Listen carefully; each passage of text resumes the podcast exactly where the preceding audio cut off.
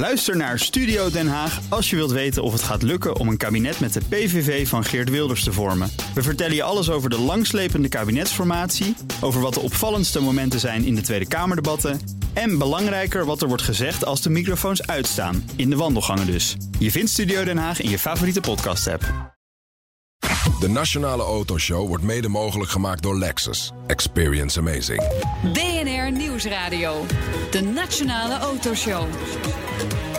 Nout en Wouter. Alle auto's zijn gepresenteerd en dus was het deze week tijd voor actie op de baan in de Formule 1.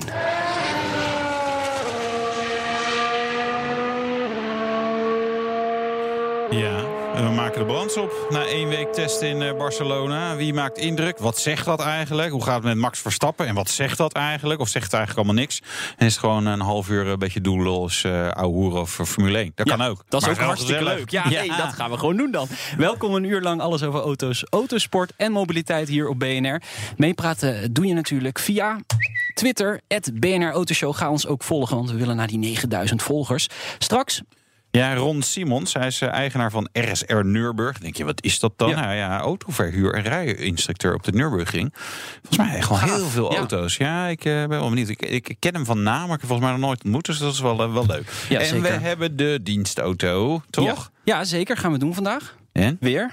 Ja, het is een advocaat. Oh. En hij heeft een hele grote Britse auto. Oh ja, dat hebben die advocaten allemaal. Ja. Die moeten hebben allemaal iets te compenseren. En zo, Ah, we gaan de luisteraars eh, verrassen. Eh, Ja. We beginnen vandaag met de wintertest van de Formule 1 op het circuit in Barcelona. Nog maar even wat geluid. Niet meer de V10 van verleden natuurlijk. Ja, ik vind het wel eh, redelijk oké klinken hoor. Ja. Te gast Mark Koenzen, hoofdredacteur van RTL GP Magazine. Welkom. Actie op de baan. Ja, heerlijk. Ja, het is weinig tegenwoordig. Hè? De Ja. regels zijn zodanig dat er weinig getest mag worden. Vroeger testte iedereen de hele winter door. Wist je al wat meer. En nu komt het aan op twee weken in Barcelona, waarvan we nu de eerste hebben gehad. En een week is vier dagen maar. Hè? Het is heel weinig. Ja, het zijn, die werken natuurlijk niet hard, hè, die Formule 1 coureurs. Dan moet ik allemaal wel een Nee, beetje. Moet ook hun lifestyle nog een beetje in. eh, Ja, hè? ja, en ik moet je wel zeggen dat de eh, coureurs die ik spreek, die, Ja. die willen ook echt beginnen dan hoor. Want die hebben natuurlijk, eh, wat is het, eind november hun laatste Grand Prix gereden. En daarna Ja, moeten... Waarom is dat dan dat, dat, dat we de hele winter zo'n pauze hebben? Ik zou toch even de maand december Ja. eh, even lekker vrij en daarna hoppakee allemaal weer aan de gang. Ja, Testen, we moeten daar stiekem eh, Michael Schumacher en Ferrari nog de schuld van geven. Dat is wel even terug. Want die waren op een gegeven moment zo dominant, hadden een eigen testcircuit. En die testen de hele, eh, ja, het hele jaar door. Hadden het meeste geld van allemaal. En de Ja. FIA heeft om het toen wat spannender te maken, dachten ze. Hebben ze allerlei restricties eh, langzaam maar zeker doorgevoerd. En nu eh, komt het nog neer op acht dagen vlak voor de eerste Grand Prix. Ja, Ja. het is echt heel erg de verschillen zijn nog steeds even groot. Het hè? is echt waanzinnig. Hè? De top 3 is ook de top 3. Ja. En eh, wat wel heel grappig is, een van de grootste eh, nieuwe feiten dit jaar is dat er wat geknutseld is met de aerodynamica. Ook weer om het spannender te maken. Heeft Ja. teams veel geld en tijd gekost. Ja. En dan zie je dat het nu alweer bijna net zo hard gaat als vorig jaar. Dus ga er maar vanuit dat ze volgend jaar, of eh, volgende week weer harder gaan dan vorig jaar. Ja. Ja. Want de voorvleugel is veranderd Ja. en de achtervleugel. Voorvleugel en de achtervleugel is veranderd. En ook nog een stukje aan de zijkant. Echt zeg maar die, de meest in het oog springende aerodynamische hulpmiddelen. Ja. Die zijn beperkt. Nou, op zich heel erg interessant. Eh, alleen ja, Formule 1 teams zijn natuurlijk super slim. En vergis je niet, het testen op de baan is heel erg gecompenseerd door de rijke teams. Met allerlei digitale vormen van testen. Ja. In de winter maar ook op computers. Dus ze Ja. werken gewoon de hele winter door. Maar die windtunnel mo- mogen ze wel gewoon de hele, het hele jaar door. Je mag zes windtunnels hebben staan als je zelf zou willen. En dan is er zelfs tegenwoordig nog een, een, een digitale vorm van een windtunnel. Gaat even te ver om helemaal uit te leggen. En dat gaat natuurlijk 24-7 door. Hè? Want vergis je niet dat bij de grotere teams werken gewoon 400, 500 mensen daar permanent aan. Ja, bizar hè. En wat, wat, wat is het kleinste team? Weet je dan eh, hoe, en hoeveel mensen daar zitten? Wat was een beetje het verschil? Een klein team bestaat inderdaad al bijna niet meer. Want een van de kleinste was Force India. Wat nu Racing Point heet. En daar zitten ongeveer zeven miljardairs achter. Ja. Dus die hebben zojuist eh, bekendgemaakt dat de fabriek vier keer zo groot wordt. Ja. Dus ga er ook maar vanuit de workforce daar nog even drie keer zo groot wordt. Ja. Dus Ja. een klein team als je Williams kunt werkt met ongeveer 300 man. Jij hebt ooit in de Formule 1 gewerkt, toch? Ik heb ooit in de Formule 1 gewerkt. Zou je er maar- weer willen werken? Want dan- nee. nu is een tijd om een Nee. eh, je kan Gewetensvraag. Nee, nee, ik zou het niet willen omdat ik het al een keer gedaan heb. Ja. En B, dat was wel andere koek hoor. Toen- Wij hadden 20 man denk ik in permanente dienst. Ja. ja. Nou ja, groter is eh, bigger is better, toch? Of ben je niet van die... ja, je moet je wel voorstellen dat er van die 800, 900 man die bij Red Bull zich met de auto bezighouden. Ja. Ja, daarvan eh eh, bemoeit zich eh, 750, 800 man natuurlijk zich helemaal niet met eh, de feitelijke racerij. Hè. Nee, die, die zijn gewoon nee, nee. opgesloten in eh, Milton Keynes. Ja. En dat is ook geen plek waar je wil wonen hoor. die, zijn, die zijn stickers aan het testen. Want er is één sticker is wat gestroomlijnder dan de andere. Dat scheelt weer 0,1 seconde. Dan krijg je dat soort dingen. Maar is dit een leuke week voor eh, als je in de Ja. Formule 1 werkt? Het is natuurlijk leuk, omdat je eindelijk. Het is leuk, het is heel erg belangrijk. En daarom is het leuk, omdat je gewoon eindelijk. wat je ook in die windtunnel doet. en wat je ook op die computers uitvindt. dit is het moment dat je weet wat er kan gaan. Ja, wa- waar, waar zijn ze mee bezig? Ze rijden heel veel rondjes en Ja. ze vergaren data. Ja, dat is wat ze doen. Ze gaan eh, proberen om erachter te komen in een hele korte tijd, want dat is het natuurlijk wel. Om te kijken wat ze bedacht hebben, dat het in de praktijk ook zo werkt. Ehm, maar ze doen ook nog heel veel niet. Hè, dus de motoren. In heel veel gevallen lopen nog niet zo hard als ze zouden kunnen lopen. Aerotechnisch is er een continu development programma, een ontwikkelingsprogramma tot aan Australië. Dus nog niet alles zit op die auto. En daarom is het gewoon nu belangrijk om meters te maken. De packaging van zo'n auto de motor, de bak, alle nieuwe elektronica zit in een nieuw pakket. Ja. En het belangrijkste is dat het allemaal werkt. Dat het niet te warm wordt, dat het Ja. doet wat het moet doen. En dat het niet onder druk van het remmen, accelereren, temperatuur. Dan meteen kapot gaan. Maar maar het is ook wel grappig, want aerodynamica heeft ook enorm veel invloed op ook hoe, hoeveel koelingen je zo hebt. Dus ja, als je zegt van ja, ik doe dat ene hele slimme ductje, doe ik even niet. Want dan heeft iedereen het over twee weken ook. Daar kan je dus vervolgens op stuk gaan, omdat, je, om- omdat hij toch wel iets meer invloed had dan je van tevoren had bedacht. Absoluut. Hè. Dus wat je nu ziet, is niet meer dan een, een topje van een ijsberg. En ook wat ze willen dat je ziet. Ja. Dat is ook heel erg belangrijk Ja, om te weten. dus Renault wilde dat, we, dat we zagen dat, we, Dat ze snel zijn. Nico heeft een goede ja, keuze gemaakt. ja, je ziet dat Renault en Toro Rosso heel hard gingen. Maar ik denk dat we er allemaal over eens zijn dat die niet in Australië op de eerste startrij zullen staan. Nee. Nou ja, Toro Rosso heeft een Honda-motor. En ik heb alleen maar lovende woorden gehoord over die Honda-motor. Gaan we het Dus zo ja. nog even over hebben. Gaan we het zo nog even over hebben. Maar eh, wie maakt het meeste indruk op dit moment? Ik moet je zeggen dat dat is een beetje een vertekend beeld. Omdat ik zou willen zeggen Ferrari. Alleen de indruk is natuurlijk. al- eh, daar zit het een beetje het woord verpakt ook verrassing. En dat is het natuurlijk niet. Nee. Ferrari Nee, heeft het oké. echt goed voor Ja. elkaar.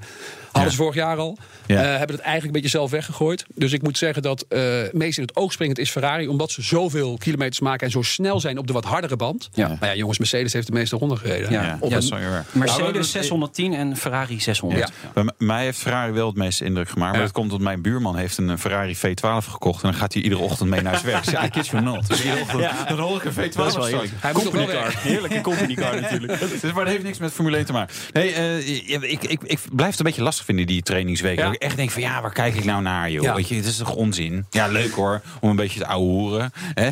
Heel gezellig Ja, is, iedereen heeft ook nog gelijk. Dat vind ik altijd prettig. Wat je ook zegt, je kan altijd gelijk hebben totdat uh, natuurlijk in Melbourne gereden wordt. Voor de teams is het wel heel erg belangrijk. Ja. Dat moeten we, kijk, de teams weten namelijk wel wat ze aan het doen zijn. Ja. En die meten ook met allerlei technieken, GPS en allerlei mogelijkheden die ze hebben. Spotters langs de baan, zien ze ook wat de anderen doen. Die Ja. houden dat heel nauwlettend in de gaten. Ja, de spotters langs de baan analyseren echt te kijken van, oh, wat, wat doet die auto in die bocht? En, en, en Ja, dat- en welke sectortijden rijden ze ook. Hè? Want je hoeft niet noodzakelijkerwijs een heel snel rondje aan elkaar te rijgen. Je kunt ook zeggen, jongens, vandaag of vanochtend pakken we twee keer sector 2 Ja. op maximaal vermogen of maximaal dit. Of, en dan zie je al hoe het een beetje in elkaar valt. Dat is langs de baan. Gaan ze ook de box in om te kijken van hoe staat het ervoor bij Nee, dat doen fotografen. Dat is ook wel Ja? leuk. Er zijn fotografen in dienst van Formule Of in dienst. Die sturen in ieder geval een mooie factuur waarschijnlijk aan het eind van de maand. En die krijgen wel zoekopdrachten, ja. Van joh, maak jij eens even een eh, mooie foto van een flapje dit op hoge snelheid. Want er wordt nu alweer gezegd dat er bij Ferrari allerlei dingen bewegen op hoge snelheid. Ja, las Ja. het, ja. Ja, en dat, en dat wordt natuurlijk vastgelegd, als het Ja. even kan. Ja, door een Engelsman of een Fransman die daar met een lange lens langs de baan staan. Ja, wel ga, ik vind dat wel mooi. Die, Heerlijk, die, die, zeg maar, die actieve aerodynamica Ja. die eigenlijk door, komt doordat het, dat de constructie niet, niet stijf genoeg is. Ja. En dan buigt het door en dan wordt het ja, fantastisch. eh, voor, de, voor de luisteraars, actieve aerodynamica Ja, mag, mag niet. nee. Hè, dus je mag het niet eh, laten gebeuren. Maar ja, als het gebeurt door de wind. ja, heerlijk. heb je niks. Ja, Ja. heb je niks. Daar kan je niks aan doen. goed voordeel, ja. Ja. Is, is er, de Ferrari vond ik, was een beetje onrustig hè, vorig jaar qua personeel en zo. Zeer Eh, onrustig. ja, zeer is, is, is het nu stabiel? Zolang het goed gaat wel.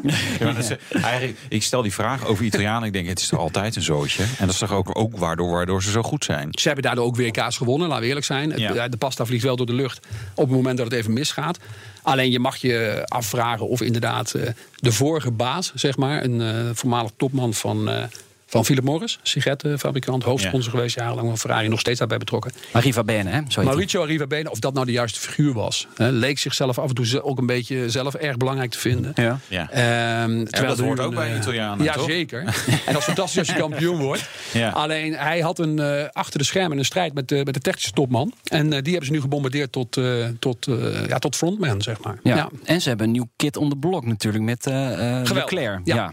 Revolutionair. Want eh, vroeger had je Enzo Ferrari. Voor de Ja. jongere eh, eh, luisteraars. Want dat is al even terug. Overleden in, uit mijn hoofd, 88. De topman. En die wilde nog wel eens. eh, nee, die wilde nog wel eens. Zijn principe was: mijn auto's winnen. En niet de coureurs. Dus ik zorg gewoon hè, dat ik coureurs pik die mij bevallen. Jonge talenten, Gilles Villeneuve, Niki Lauda... waarvan op dat moment nog niemand het idee had dat ze heel goed waren. Ja, die werden kampioen in Ferrari. En dat, die tijd was wel voorbij. En ze namen Rijkonen, Vettel, Schumacher, gearriveerde namen. Ja. En nu Leclerc, fantastisch. Voor het eerst weer een jong talent in een Ferrari. Ja. Ja. Heb je goede hoop voor hem dus? Ja. Ja? Hij is, eh, hoe objectief of, of subjectief je ook bent, je kunt niet ontkennen dat hij samen met Max Verstappen het meest aantoonbare talent had Ja. in de junior categorie. Ja. Is, En- is, maar hij zit nu echt, echt bij een top 10. Ja. En Max moeten we nog maar even afwachten. Hè? Nee. Absoluut. Ja. Ja. ja, je weet waar ik naartoe Timing is alles in de Formule 1. Ja. Hè? Kijk, eh, natuurlijk is Red Bull een topteam, hoe je het ook bent of keert. Is de afgelopen jaren vaker wereldkampioen geworden dan Ferrari. Ja. Ja. Alleen wat gaat er de komende jaren Ja, gebeuren? Maar is Honda. Honda is ook maar één periode succesvol geweest. Hè? Dus eh, qua mot- motorenleverancier. En dat is ook al wel even geleden. Ja, dat is eh, de laatste keer dat Honda een echt competitieve Formule 1 motor bouwde was in 1991. Ja, ik zat in eind jaren 80, maar het was Ja, 91. ja. 91. Lang geleden. En Ja. eh, met de V12 die daarna kwam, ging ze eigenlijk al een beetje de verkeerde kant op. Ja. En de hele periode daarna, toen ze een eigen Formule 1 team hadden, ja, is dramatisch geweest. Nog heel even Williams, opvallend hè? De hele Ja. week eh, was, was het daar heel onrustig hè, bij dat Formule 1 team. Nou, het was er eh, angstvallig rustig, Ja. want de auto eh, die was nog niet klaar. Ja, en, ehm, en ja, dan vraag je je twee dingen af. Is dat technisch of financieel? Waarschijnlijk een combinatie van twee dingen. Dus kortom, is het een voorbode van nog veel meer ellende? Wat denk of jij? komt het goed? Nou, ik denk dat het heel verontrustend is. Kijk, als je je auto niet op tijd klaar hebt in de Formule 1... terwijl je de hele winter de tijd hebt gehad... dan, ja, dan verlies je heel veel kostbare testkilometers. Dus dat gaan ze niet meer inhalen, denk ik. Niet 1, 2, 3. Nee. nee. Zometeen praten we uitgebreid over Red Bull Racing, Max Verstappen en natuurlijk de Honda-motor. En we doen de dienstauto van Ja. een advocaat. Leuk. BNR Nieuwsradio. BNR, de Nationale Autoshow. Tijd voor het eh, nieuwsoverzicht van. Deze week? Inderdaad, Wouter. Eh. BMW en Daimler gaan intensief samenwerken. Ja, het uh, trefwoord is hier mobiliteit. Mobiliteitsdiensten. Hè? Het is gewoon een mobiliteitsoplossing. Ja. En ze gaan een aantal dingen samen doen. Regional, je moet dat een beetje met een Duits accent uitspreken. Het liefst natuurlijk, hè, voor multimodale services. Oftewel, eh, als je niet meer in de auto wil, maar met de fiets of met een tram of weet ik veel wat. Nou, ik, ja, inderdaad. Charge Now, voor het opladen van je elektrische auto. Free Now, taxis. Er is volgens mij niks free aan, maar goed, dat moeten we die Duitsers nog even uitleggen. Park Now, goh, waar gaat dat over gaan? Ja. Share Now, deelauto's. En ze pompen er wel een miljard euro in, dus het is wel serieus. Ja, het zijn wel een beetje aardsvijanden die samenwerken. Zeg, hè? ja, Eh, BMW wel, ja. en Daimler. Ik denk dat dit ook wel een beetje is om tegenwicht te geven aan de Volkswagen groep. Ja? Die zijn natuurlijk ook met dit soort dingen allemaal bezig. En die zijn natuurlijk wel een maatje groter dan BMW en Daimler. Kijk, Audi, BMW en Mercedes zijn ongeveer even groot. Hè? Mhm. Grosso modo, ja, weet je, er zitten wel verschillen in. Maar als je dan natuurlijk even de rest van de groep erbij gooit... dan is eh, Volkswagen wel een maatje groter. Dus eh, ja, vandaar de samenwerking. Ik ben benieuwd hoe vrolijk dat huwelijk gaat worden. Er is eh, volop nieuws deze week bij Peugeot. Ja, het, het lekt allemaal. Eh, nou, dat was de foto's van de nieuwe 208. Die kan je alvast opzoeken. Maar daar komt... Ik heb hem eigenlijk nog niet bekeken. Dus hij is vast heel mooi. Best leuk geworden. Ja, zo, Ja. ik hoor dat hij leuk is geworden. Ja. En wat ik zeker leuk vond, is de 508 Sport Engineered Concept. Waarvan Zeker. ik dacht, hey, het is een plug-in, een performance plug-in hybrid. Daar kennen we al een van. Dat is namelijk de Volvo S60 Polestar Engineered. En ik denk, nou, dus, dus ze hebben in ieder geval de naam ook een beetje eh, zeg Gejat, maar, gejat ja. van elkaar. Ook gecombineerd vermogen van 400 pk. God, dat kennen we ook wel van die S60 eh, Polestar Engineered. 0 tot 100 in 4,3 seconden. Ik vind trouwens wel, eh, je ziet ze nu eindelijk rijden, 508. hè. Het heeft even langer eh, geduurd, omdat ze de kwaliteit nog wat verder omhoog wilden toppen. Super mooie auto. Ik vind Ja. het wel echt, ik vind hem echt serieus gewoon echt een gaaf ding. Misschien over een jaar dat ik denk, nou, ik vind het nu alweer saai, maar voor nu toffe auto. Ja, ik heb hem twee weken geleden gereden, de GT-line. Echt jij boffert. heel, heel gaaf ding. Ja. Echt serieus. Ja. En ook mensen die hun hoofd echt omkeren om te kijken... wat is... Hé, hey, het Ja. is een Peugeot. Ja, ja hij valt gewoon lekker Leuk. op. Hè? Het is wel, hebben ze goed gedaan, ja. Facelift voor de Volvo XC90. Ja. Ja. Weet jij natuurlijk alles van. eh, nee, helemaal niks. Oh. Eh, de veranderingen zijn eigenlijk ook eh, helemaal niks. Dus ja, nee, vrij minimaal. Nieuwe velgen, andere grill, andere kleurtjes. Eh, ze krijgen een B-badge. Je krijgt tegenwoordig de B5. We hadden natuurlijk al de D5, dat was dan diesel. Hè? Ja. T5 benzine. Dan vraag je af, wat is dan in godsnaam B5? Dat zijn ja, van die eh 48 volt mild hybrid. Hè, wat we ook Ja. al bij Audi, BMW, Mercedes... Nou, bij wie nog meer? Eh, Lamborghini volgens mij inmiddels ook. Maar dat zijn ja, een beetje soort mild hybrids. Aandrijflijn met een soort kerstsysteem. Komt toch uit de Formule 1?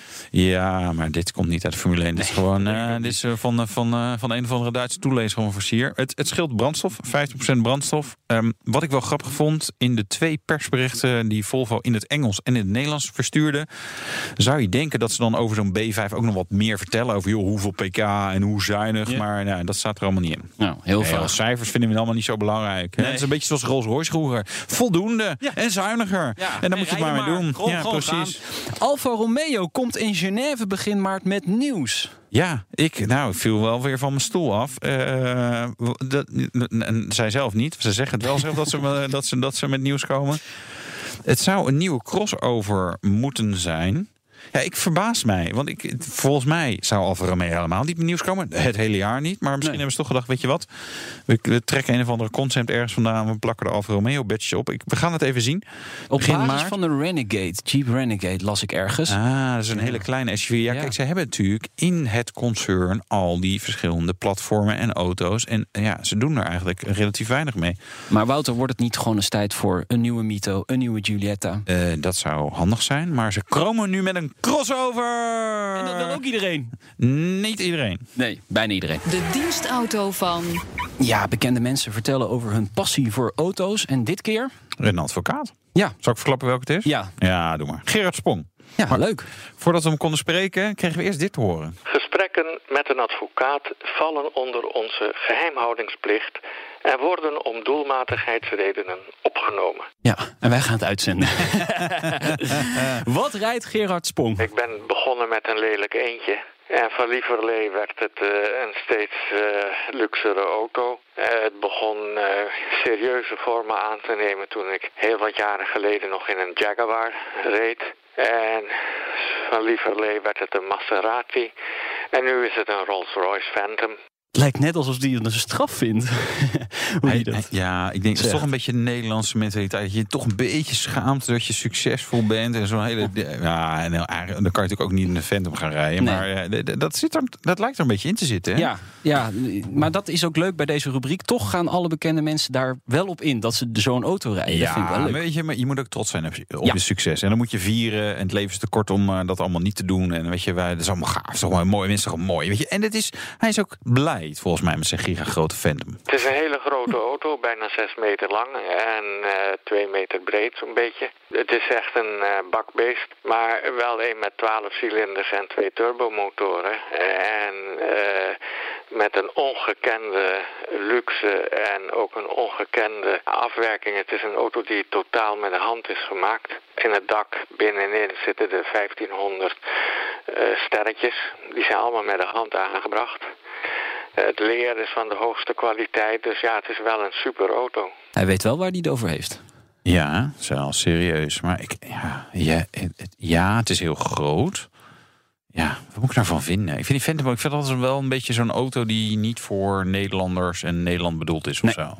Nee, zeker niet. Maar eh, hij gaat er ook wel eens mee naar Duitsland. Maar hij zoekt niet de limiet op. Op de autobaan in Duitsland kan je natuurlijk wat harder rijden dan in Nederland. Daar maak ik soms eh, ook wel dankbaar gebruik van, eh, voor zover dat mogelijk is. Ik voel me heel comfortabel in Duitsland als ik gewoon 160 rij. Nou, vind ik heel aardig. In Nederland mag het natuurlijk niet, moet je wat langzamer rijden. Zij zo, maar hij rijdt met 120, 130 ook wel heel prettig. Ja, dat soeft, hè? Ja. Ja, hier wil je eigenlijk ook niet hard mee rijden. Weet je, Rolls Royce, dat stuurt eigenlijk allemaal voor een meter. Nee, Dat is heel comfortabel, heel ruim. Met zijn eigen slagschepen. Ja. En ze willen wat sportiever worden, maar dat wordt het niet. Eh, in ieder geval is het nog niet geworden. Vinden ze niet leuk dat ik dit zeg, maar het is wel zo. Ja. En ze hebben nu ook een SUV natuurlijk. De Cullinan, ja. Dus Gerard Spong kan hoger gaan zitten. hij kan nog binnenkort. hoger gaan zitten. Ja, vind ik niet helemaal bij hem passen. Oké, wil je meer afleveringen van de dienstauto van horen? Check dan onze website bnr.nl slash dienstauto. BNR Nieuwsradio. De Nationale Autoshow. En bij ons te gast is nog altijd eh, Mark Koensen, hoofdredacteur van RTL GP Magazine. We praten verder over de eerste week van de wintertest in de Formule 1. Ja, eh, Mark, hoe beoordeel jij eh, Red Bull Racing, het team van Max Verstappen? Ja, prima tot dusver. Ja? Ik denk dat de grootste angst was eh, dat ze weinig kilometers konden maken door eh, ja, gewoon wellicht toch problemen. Niet zozeer specifiek met de Honda-motor, als we, al waren het misschien zelfs maar problemen met de combinatie van auto en motor. En Ja. dat hebben we eigenlijk helemaal niet gezien. Nee. Dus zij hebben. ehm, 475 ronden lees, lees ik hier. Ja, Hebben ze 475 ronden. Nou, dat, dat is dan maar een getal. Maar we hebben ze vooral niet zien stilvallen, stuk gaan roken of dat iets dergelijks. En dat is toch wel een dingetje. Want de ontwerper van de auto is Adrian Newey. Dat is een legende. En een van zijn kenmerken is, als je het als een schilder zou eh, willen beschouwen, is dat hij alles heel erg nauw verpakt. Dus de ruimte onder de auto is echt volledig benut en zeer, zeer strak. Moet je, als je de gelegenheid hebt, moet je maar eens foto's kijken. is fantastisch. Dat is een compromis. En dat betekent dat een motorfabrikant daar ook aan moet voldoen. Dus de packaging, wat ik eh, net al zei, die is daar echt heel extreem. En dat zorgt voor in veel gevallen aerodynamische voordelen. Nou, dat heeft tot dusver goed uitgepakt. Ja. En ik zag ook bij Max, zover je dat kunt beoordelen van buitenaf. Ja, toch wel een, eh, een stukje eh, tevredenheid. Een, een, een- ik wil niet zeggen optimisme, maar dat is lekker realistisch. Ook erg belangrijk. Hij is in ieder geval niet onaangenaam verrast de afgelopen week. Nee, maar ja, maar hij is ook niet laaiend enthousiast. Nog. Nee, maar dat moet je ook helemaal niet zijn. Want kijk, ook hij weet dat in Melbourne pas echt duidelijk gaat worden eh, wat er gaat gebeuren. En hij weet ook dat ja, Honda heeft waarschijnlijk meer vermogen dan dat hij vorig jaar in de laatste race met een Renault in zijn rug had. Maar jongens, eh, ze rijden tegen Ferrari en Mercedes. Die al een aantal jaren toch eh, de betere motoren hebben. En die hebben ook niet stilgezeten. Dus Nee. de vraag is, hoe klein is het gat geworden? Ik denk Ja. wel dat er nog een gat is. Ja. Maar en, en is, zijn ze niet, eh, worden ze ingehaald door Renault bijvoorbeeld? Bedoel, die, eh, dat zijn ook serieus jongens. Ja, alleen ik denk dat Renault twee problemen heeft. Dat is de auto en de motor. Dus ik denk dat bijvoorbeeld iets meer gevaar schuilt in zomaar bijvoorbeeld Alfa Romeo. Ja. Want als Ferrari daar natuurlijk heel sterk is op dit moment op motorenvlak en qua aerovlak, dan is daar heel veel uitwisseling. Ze rijden in principe met dezelfde motor. Er is uitwisseling qua, qua designer. De voormalig Ferrari-designer werkt nu bij Alfa Romeo, wat voorheen Sauber was. Ja. Dus, dus als die het echt voor elkaar hebben, heb je in één keer een tegenstander erbij. Want ja, Rijkonen en Giovinazzi, dat zijn ook niet de minste hoor. Nee. Nee. Laten we even luisteren naar die Honda-motor.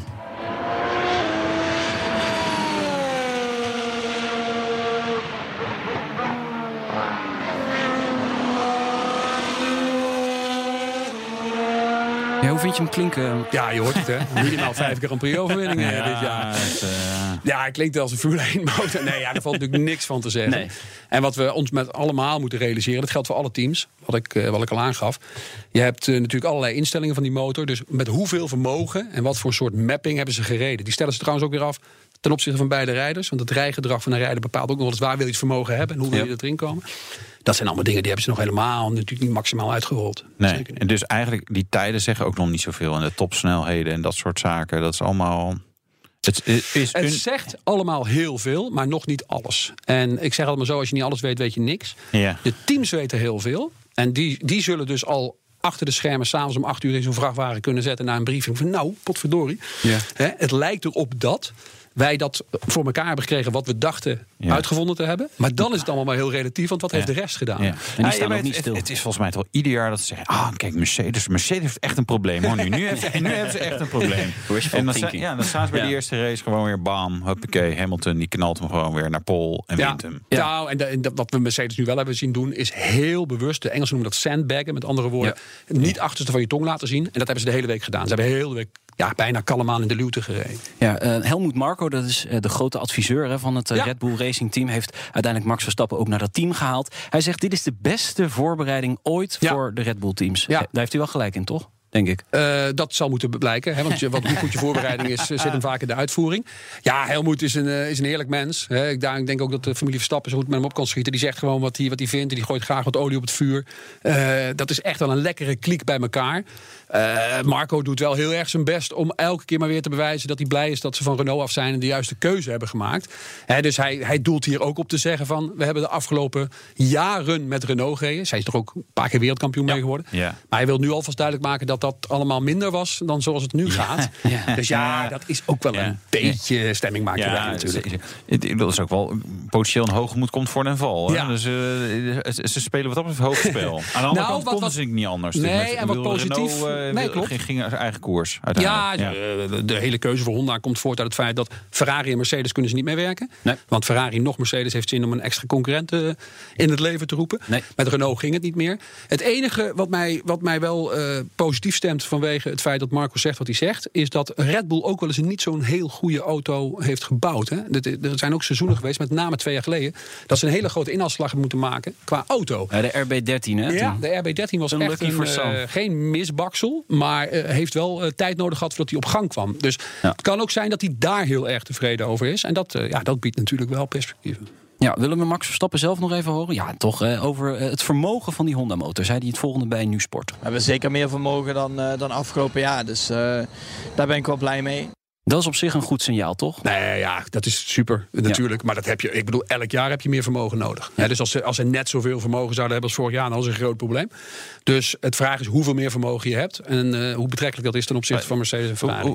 eh, kunnen we iets zeggen over de stappen die ieder jaar worden gemaakt qua vermogen? Dus er komt ieder jaar 20, 30, 50, Ja. 100, 200. eh, hoeveel pk komt erbij? Ja, dat, ook dat is natuurlijk wel, gaat een beetje afhangen van eh, wanneer krijg je dat vermogen. Hè? Dus als bij Honda gaat het heel belangrijk zijn, hoeveel hebben ze op die, eh, op die zaterdagmiddag als het er echt even om gaat, om dat ene rondje in de kwalificatie. Ja. En hoeveel heb je op de long runs eh, binnen, binnen je hele race-strategie. Ja. Dus dat is ook maar even de vraag. Maar kijk, vorig jaar is, eh, is er al melding van gemaakt dat Mercedes richting de 1000 pk ging. hè, die de, de magische grens. magische 1000 pk.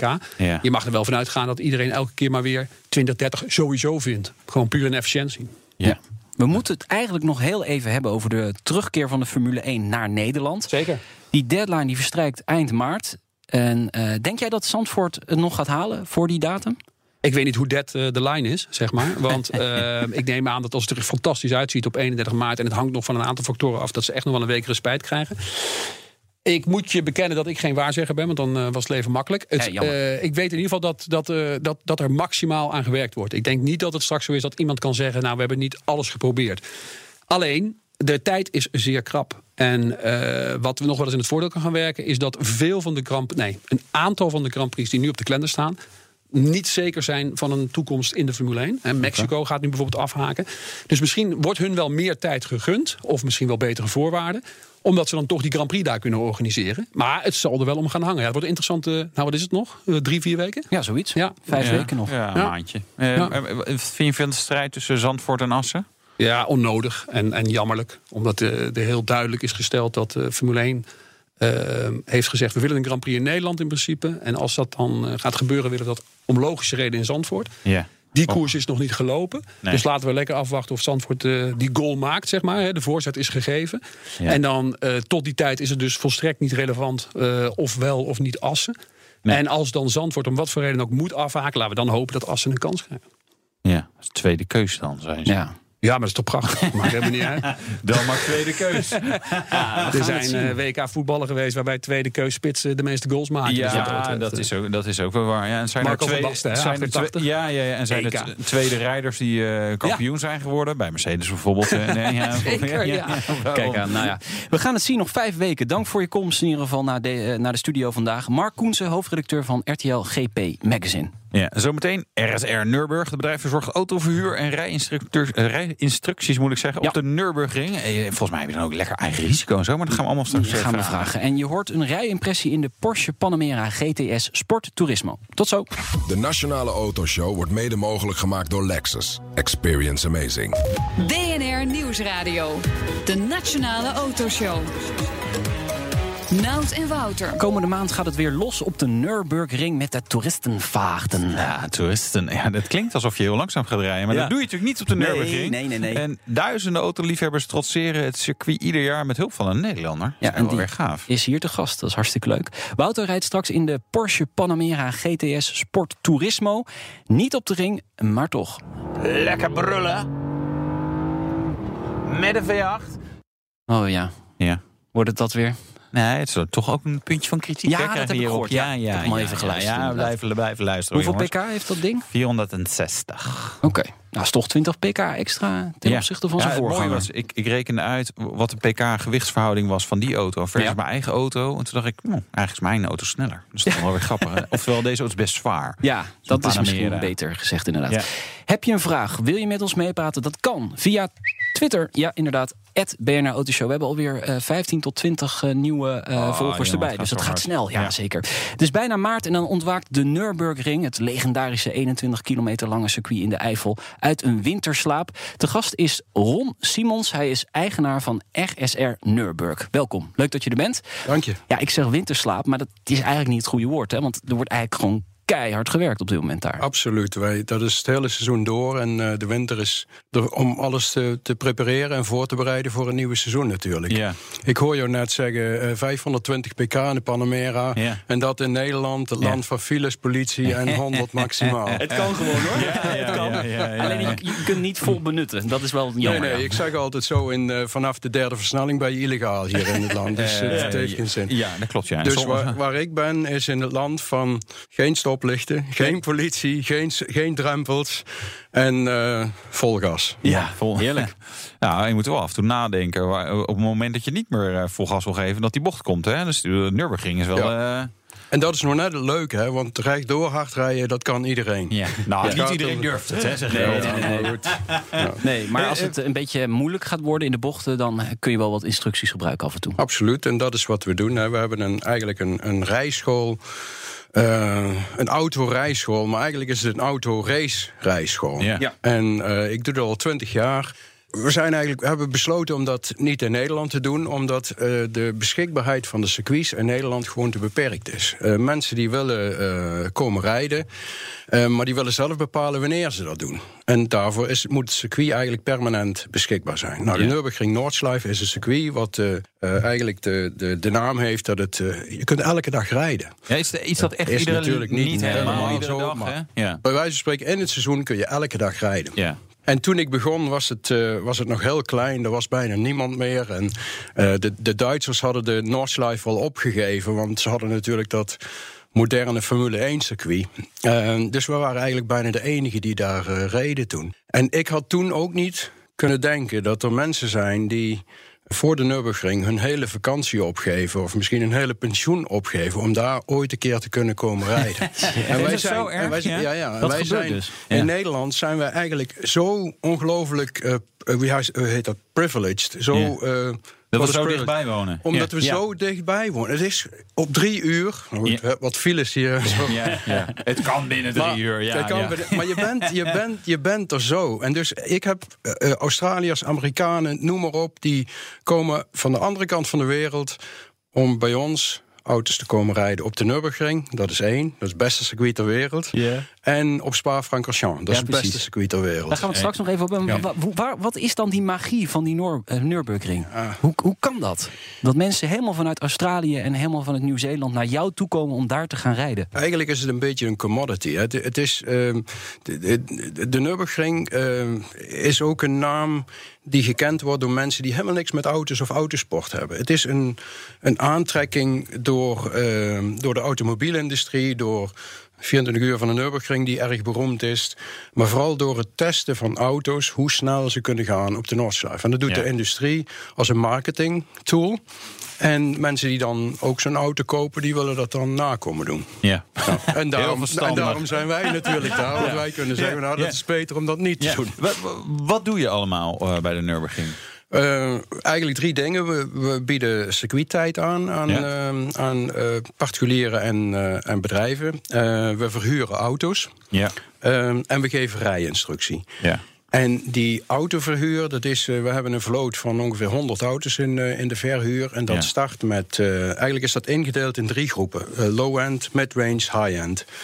Low-end is, eh, dat begint al bij 300 pk, want Ja. ja, Ja, 200 minder. pk is tegenwoordig, tegenwoordig niks meer eigenlijk. Nee, nee. Dus eh, Renault Megane, eh, RS, daar hebben we Ja. 20 auto's van. 20? Mid- ja, mid-range is een beetje eh, BMW, M2, M3, M4. Ja, ehm, Nu wel. Ja. eh, Cayman. We hebben een hele hoop Porsche Caymans, want mensen willen Porsches rijden. Ja. En high-end is Nissan. Eh, en er is ook een, eh, een, eh, hoe heet dat, een overeenkomst met Nissan Duitsland en Nissan Europa. Ja. Ehm, en natuurlijk Porsche GT3's en GT3 RS'en. Ja, natuurlijk, zegt hij dan. Dat Ja. is, de, maar dat is überhaupt natuurlijk droomauto's voor mensen, dit. Dit hele, hele rijtje. Ja, Megane RS, is de, de- dat zou iedereen nog kunnen betalen... Hè, als je even je ertoe zet. Maar M2, M3, M4, dat is, dat is, dat is, dat is, dat is wel droomspul, toch? Ja, is het ook. Ja. Ja. Wat, als jij mag kiezen, je hebt een mooie dag. Welke auto pak je mee van jouw eigen vloot? Oh, degene die vooraan staat. Nee, nee, nee, nee, nee, nee. Welke wil je? Kiezen. Je je, moet moet, je moet kiezen. kiezen. Kies er een. Wat, wat, wat, wat Ik, we hebben nu net de nieuwe eh, BMW M2 Competition Ja. auto's binnen. Er zijn Ja, een stuk of vier, vijf. En als je die auto rijdt, dus die nieuw is... en je mag tot 3000 gaan of, of 3.500 toeren... Dat is al, je hebt al super wegligging. Dat is Ja. super daar om te rijden in, eh, in de Eifel nu. Dus Ja. dat, dat is nu mijn favoriete Ja, auto. altijd de nieuwste. Ja. Zeker. Hey, De ehm, jij geeft instructies natuurlijk. En ja, er is natuurlijk altijd veel te doen, ook op YouTube met allemaal filmpjes. En dan, dan gebeurt er dit bijvoorbeeld. Ja, dan, dan gaat het mis. ja. Ja. Kom jij dat ook wel eens tegen? Natuurlijk, maar ik, ik, mijn motto is: er zijn geen gevaarlijke circuits. Er zijn alleen maar gevaarlijke rijders. ja?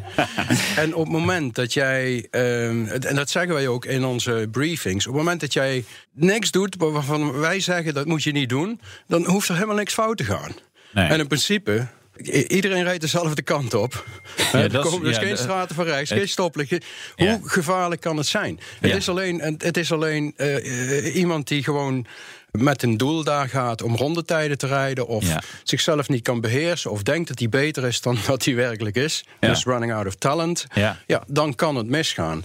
Maar, het is maar- 21 kilometer lang. En hoeveel? Ja. 108 bochten? Hoeveel is het nou precies? Eh, dat ligt eraan hoe hard, hoe hard je rijdt. Dus te Ja. harder je rijdt, des te meer bochten kom je ja, tegen. sommige rechtstukken zijn helemaal niet even zo over, recht. dat, even over, dat, eh, over dat ongeluk. Hè. Eh, de. De, de video's en de hele toestand en de hele hype. Dat is also een deel van de attractie. Ja, Want dat is natuurlijk tuurlijk. sensatie.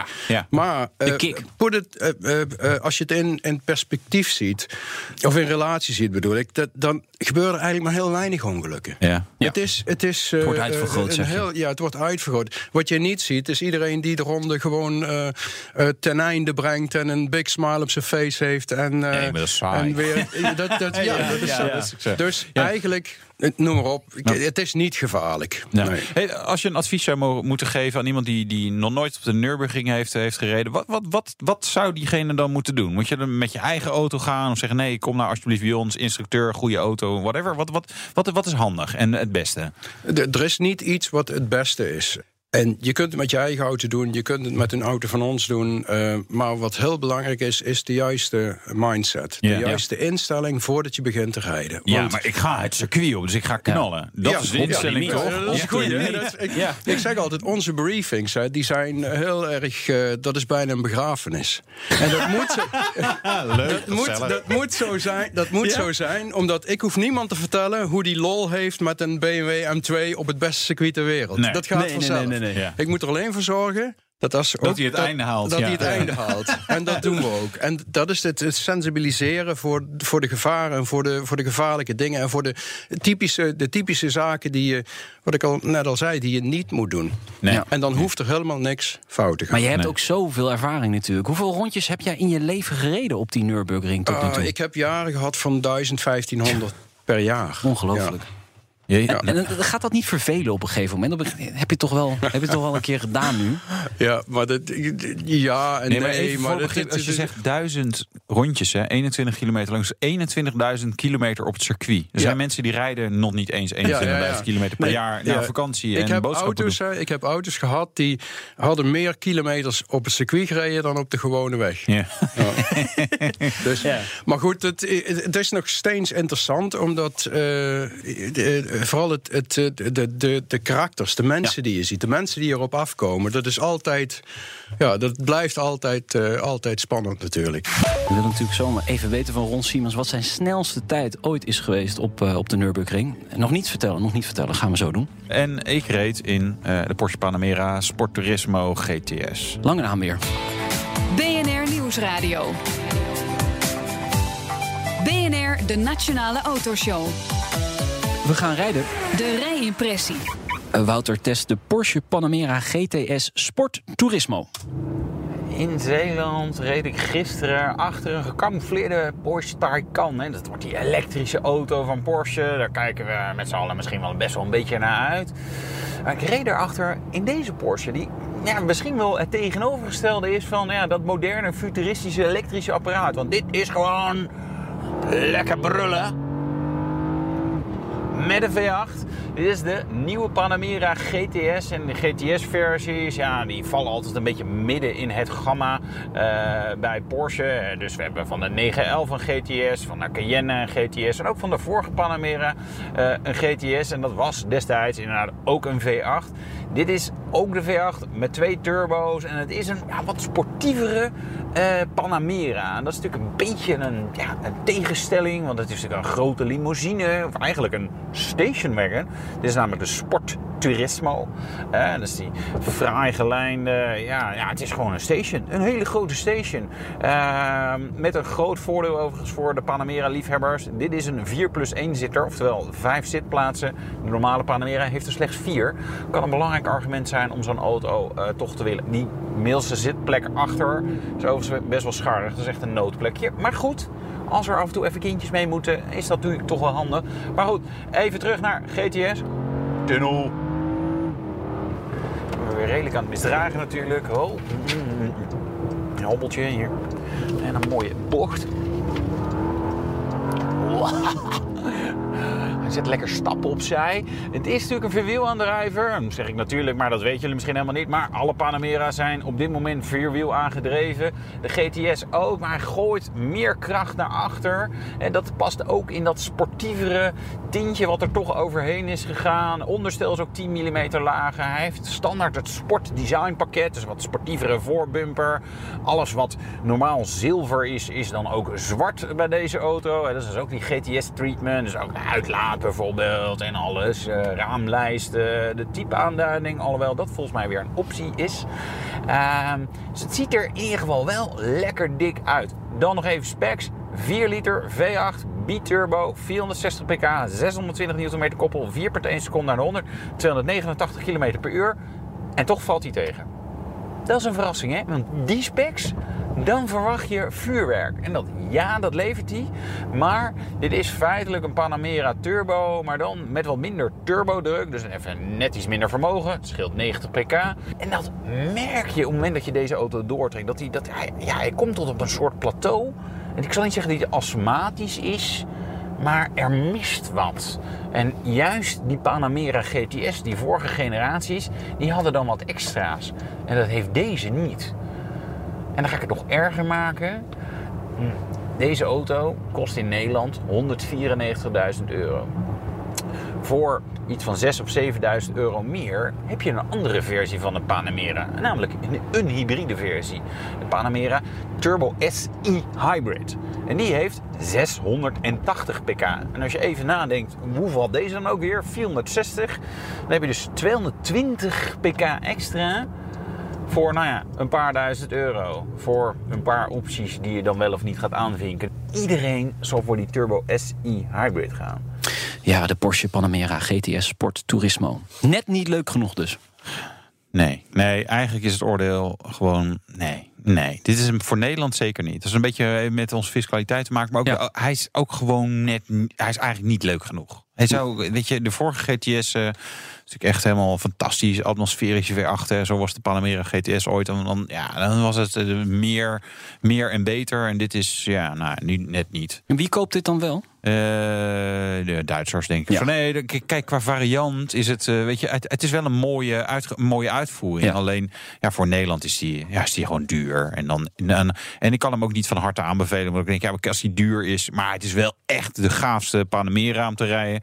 Maar dat is eigenlijk volgens mij ook niet Nee. zo. Dus Porsche was deze week nog in het nieuws. ja. Duitse justitie, hè? Oh, diesels. Ja. Ja. Ja. Nou ja, weet je, kijk, dat zijn gewoon die Audi-blokken. Ja, ja, die hebben daar die software die hebben bij hun ook gedraaid. Dus ik, weet je, je kunt zeggen van het is, eh, het is eh, eh, eh, nieuws, maar eh, ja, jezus, Ja. het is niet echt een verrassing. Ja, ze worden nu officieel hè, van gesjoemel Ja, van met dieselmotoren ja, goed, verdacht. Nou Dus ze zullen er niet wakker van liggen. Dan het eindoordeel. Meer power, maar helaas, dat heeft hij dus niet. Ja, Nee. ja, ja, ja, ja, het is een gecastreerde turbo eigenlijk. Ja. Mogen we niet hard op de radio zeggen, Nee. maar dat doen we wel. Sorry Porsche. Sorry. BNR Nieuwsradio. BNR, de Nationale Autoshow. Te gast is eh, Ron Simons. Hij is eigenaar van RSR Nürburg. Eh, de basis is natuurlijk de Nürburgring. En daar draai jij al je rondjes. En nu ga jij vertellen hoe snel jij zo'n rondje Ja, als je doet. zoveel ervaring hebt, dan moet het wel heel indrukwekkend zijn. Hoe snel, Eh, Ben, eh, ben je snel of ben je, vind je zelf dat je denkt, nou, er zijn wel mensen die het nog beter kunnen? Ah, ik denk dat er altijd iemand is die het beter Ja, kan. Hè? ja, ja. Maar wat, Ja. welk cijfer zou je jezelf geven? Ach, Ja? goed. eh, ik denk een 9. Ja, ja, dat is gewoon wel goed. Ja. En, wa- en wat is Ja. de snelste ronde die je ooit hebt gemaakt op de Nürburgring? Ah, ik weet niet, ik, ik heb eigenlijk nooit zoveel geraced daar. Dat, Nee. dat was na mijn racetijd eh, ben ik naar de Nürburgring gegaan. En ik heb heel veel hele langzame ronden gereden met, met klanten achter me Ja, oké. Maar nu ben Ja. je aan het indekken. Dus Ja, ja. eh, nee, Ah, ja, vertel even. Wat, wat is de wat- snelste ronde die je ooit hebt gereden? Dus voor mensen die niet weten hoe lang die baan is. Dus het is 20 kilometer. Dus je, je bent een aardige tijd onderweg. Hè? Dus 10 minuten is al... Als je dat haalt, dan is het al helemaal goed. Ja. E- Dat heb je gehaald. Ja, even- dat, dat heb ik... Ja, maar dat duurde, een dat duurde een aantal jaren, maar dan ben ik er toch gekomen. Maar even eh, eh, eh, terzijde. hè. Wij praten nooit over rondetijden. Nee. Want rondetijden die zetten aan tot Ja. ongeluk. En Ja. ongeluk is drama en stress. Nee. Ja. Terug naar rondetijden. 10 10 minuten is al, al, Is al goed. Heel goed. 9 minuten, nou, dan moet je al aardig stampen. Hè? Dan moet je aardig de baan kennen en, en, en hard kunnen rijden. 8 minuten kan nu ook met een hele goede auto, Porsche GT3 of een Ja. BMW M3 of wat dan ook. Ja. 7 minuten, dat zijn er maar heel weinig. Ja. En eh, wie heeft nu 6 minuten gereden? Ja, Porsche met die 9, 19. exact, ja. Vijf, zo, vijf zoveel. Nou, dat is ongelooflijk Ja. hoe Ja. hard dat gaat. Ja. Dus dat, dat gaan we nooit meer halen. Dat Nee, ga ik nee, nooit nee. meer halen. Maar 7 minuten, 7, eh ja, dat zijn tijden die, die ik gereden heb. ja. Dat is echt, Dat is echt serieus ja, dat snel. is echt Ja. hard. Ja. Dan Ja. rij je eh, een gemiddelde van. Dat zou je even moeten uitrekenen. Nu snel naar het hoofd Ja, rekenen. nee, kan hè? ik heel erg Ja. slecht. Ja. Ja, ja, ja. Dus, dus eh, drie kilometer per minuut. Dus rij je 180 gemiddeld minimaal. Gemiddeld, ja. En er zijn Gemiddeld, ja. En er zijn stukken waar je 80 Waar je heel, hard is. ja, ja, er zijn een paar bochten waar je heel langzaam Ja. rijdt, ja.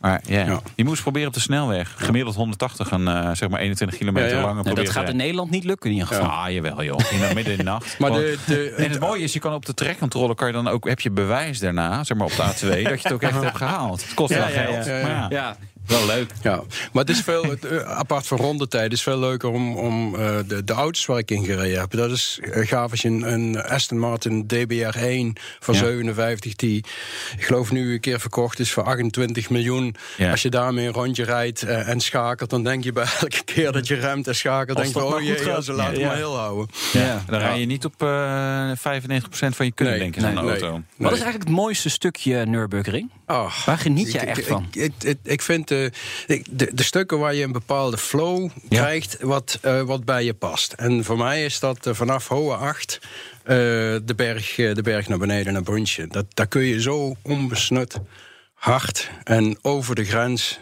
smeren en vegen. Schitterend. Ja, eh. Dat, is, dat is gaaf. Ja. Ja. Maar dat is ook wel voor de, voor de amateurs ook wel een, een stuk waar je, waar je wel een momentje kan hebben, denk ik. Hè? Ja, overal en zeker in de regen. Ja. Ja. het, is die, het is vooral de, eh, de derde dimensie van het circuit. Ja. Wat of helemaal niet begrepen wordt of onderschat wordt. Nee. de derde Ja. dimensie is, is de verticale Ja. bochten. Ja. En eh, na Hohe 8 zit daar eh, een, eh, een stukje dat heet Hedwigsheuwe. Ja. De meeste mensen kennen dat niet eens, maar dat is een, little, een kleine heuvel. En daar zie je dus in de vooral in de regen heel veel mensen eraf vliegen. Ja. Volgens mij heb ik daar in de regen, ik denk dat het dat stuk wel. Ik heb er één keer met de Porsche twee dagen op de Nürburgring gereden. Eén dag droog, één dag regen. En daar had ik inderdaad het momentje met, met 180 of zo. Dat, dat ik dacht, oeh, alles wordt heel licht. En eigenlijk is het heel makkelijk, want je moet Ja. gewoon zorgen dat je geen laterale energie in de auto hebt. Dus je Ja. rijdt rechtdoor over zo'n heuveltje. Ja. Ja. Ja. We wilden het eigenlijk ook nog gaan hebben over eh, circuit Spa-Francorchamps. Want dat vind je eigenlijk nog mooier eigenlijk om daar te rijden. We hebben Ja, alleen ja. bijna geen tijd meer. Misschien moeten we de afspraak maken om misschien later dit jaar nog... wat je allemaal daar kunt doen met jouw eh, bedrijf... om daar nog een keer over te praten. Want dat gaan we nu niet meer redden. Maar je bent daar allemaal appartementen ook aan het bouwen, hè? Ja, we hebben daar een. eh, omdat we zoveel auto's in de verhuur hebben, die moeten Ja. ergens staan. Dus we hebben een heel groot complex gebouwd naast het circuit. En daar kunnen we met. Eh, 200 auto's kunnen daar staan. We hebben daar leslokalen, simulatorruimtes, uh, massagestoelen, uh, noem maar op. Dus het is echt voor, uh, of voor individuelen die dat willen doen, of voor de industrie. We hebben Alpine waarschijnlijk daar dit jaar. We hebben Ferrari daar al gehad met, met Vettel, coureurs, en, ja, Vettel en Rijken. Dat zag ik. dus het is echt een super, super locatie om verschillende dingen te doen. Ja, Moeten we toch een keer die we ja. krijgen. Ja, we, wij komen binnenkort een keer langs en dan schijnt er ook een Formule 1 Grand Prix te maar zijn. Het is, niet, om, het is niet allemaal. Ik, de autosport heeft natuurlijk de naam dat het, het, het is heel erg duur. Maar bij ons kun je al iets doen voor, eh, laten we zeggen, 250, 300 euro. En dat kan dan wel gaan tot 8000 euro per dag, maar dat hoeft niet zoveel te kosten. Maar goed, je moet een beetje geld meenemen. En dan kun je bij ons op Spa al iets doen, maar ook op de Nürburgring. Leuk. Nou ja, zeker. We moeten dat absoluut een keer eh, gaan doen. Uh, dankjewel, Ron Simons. Bedankt voor je komst.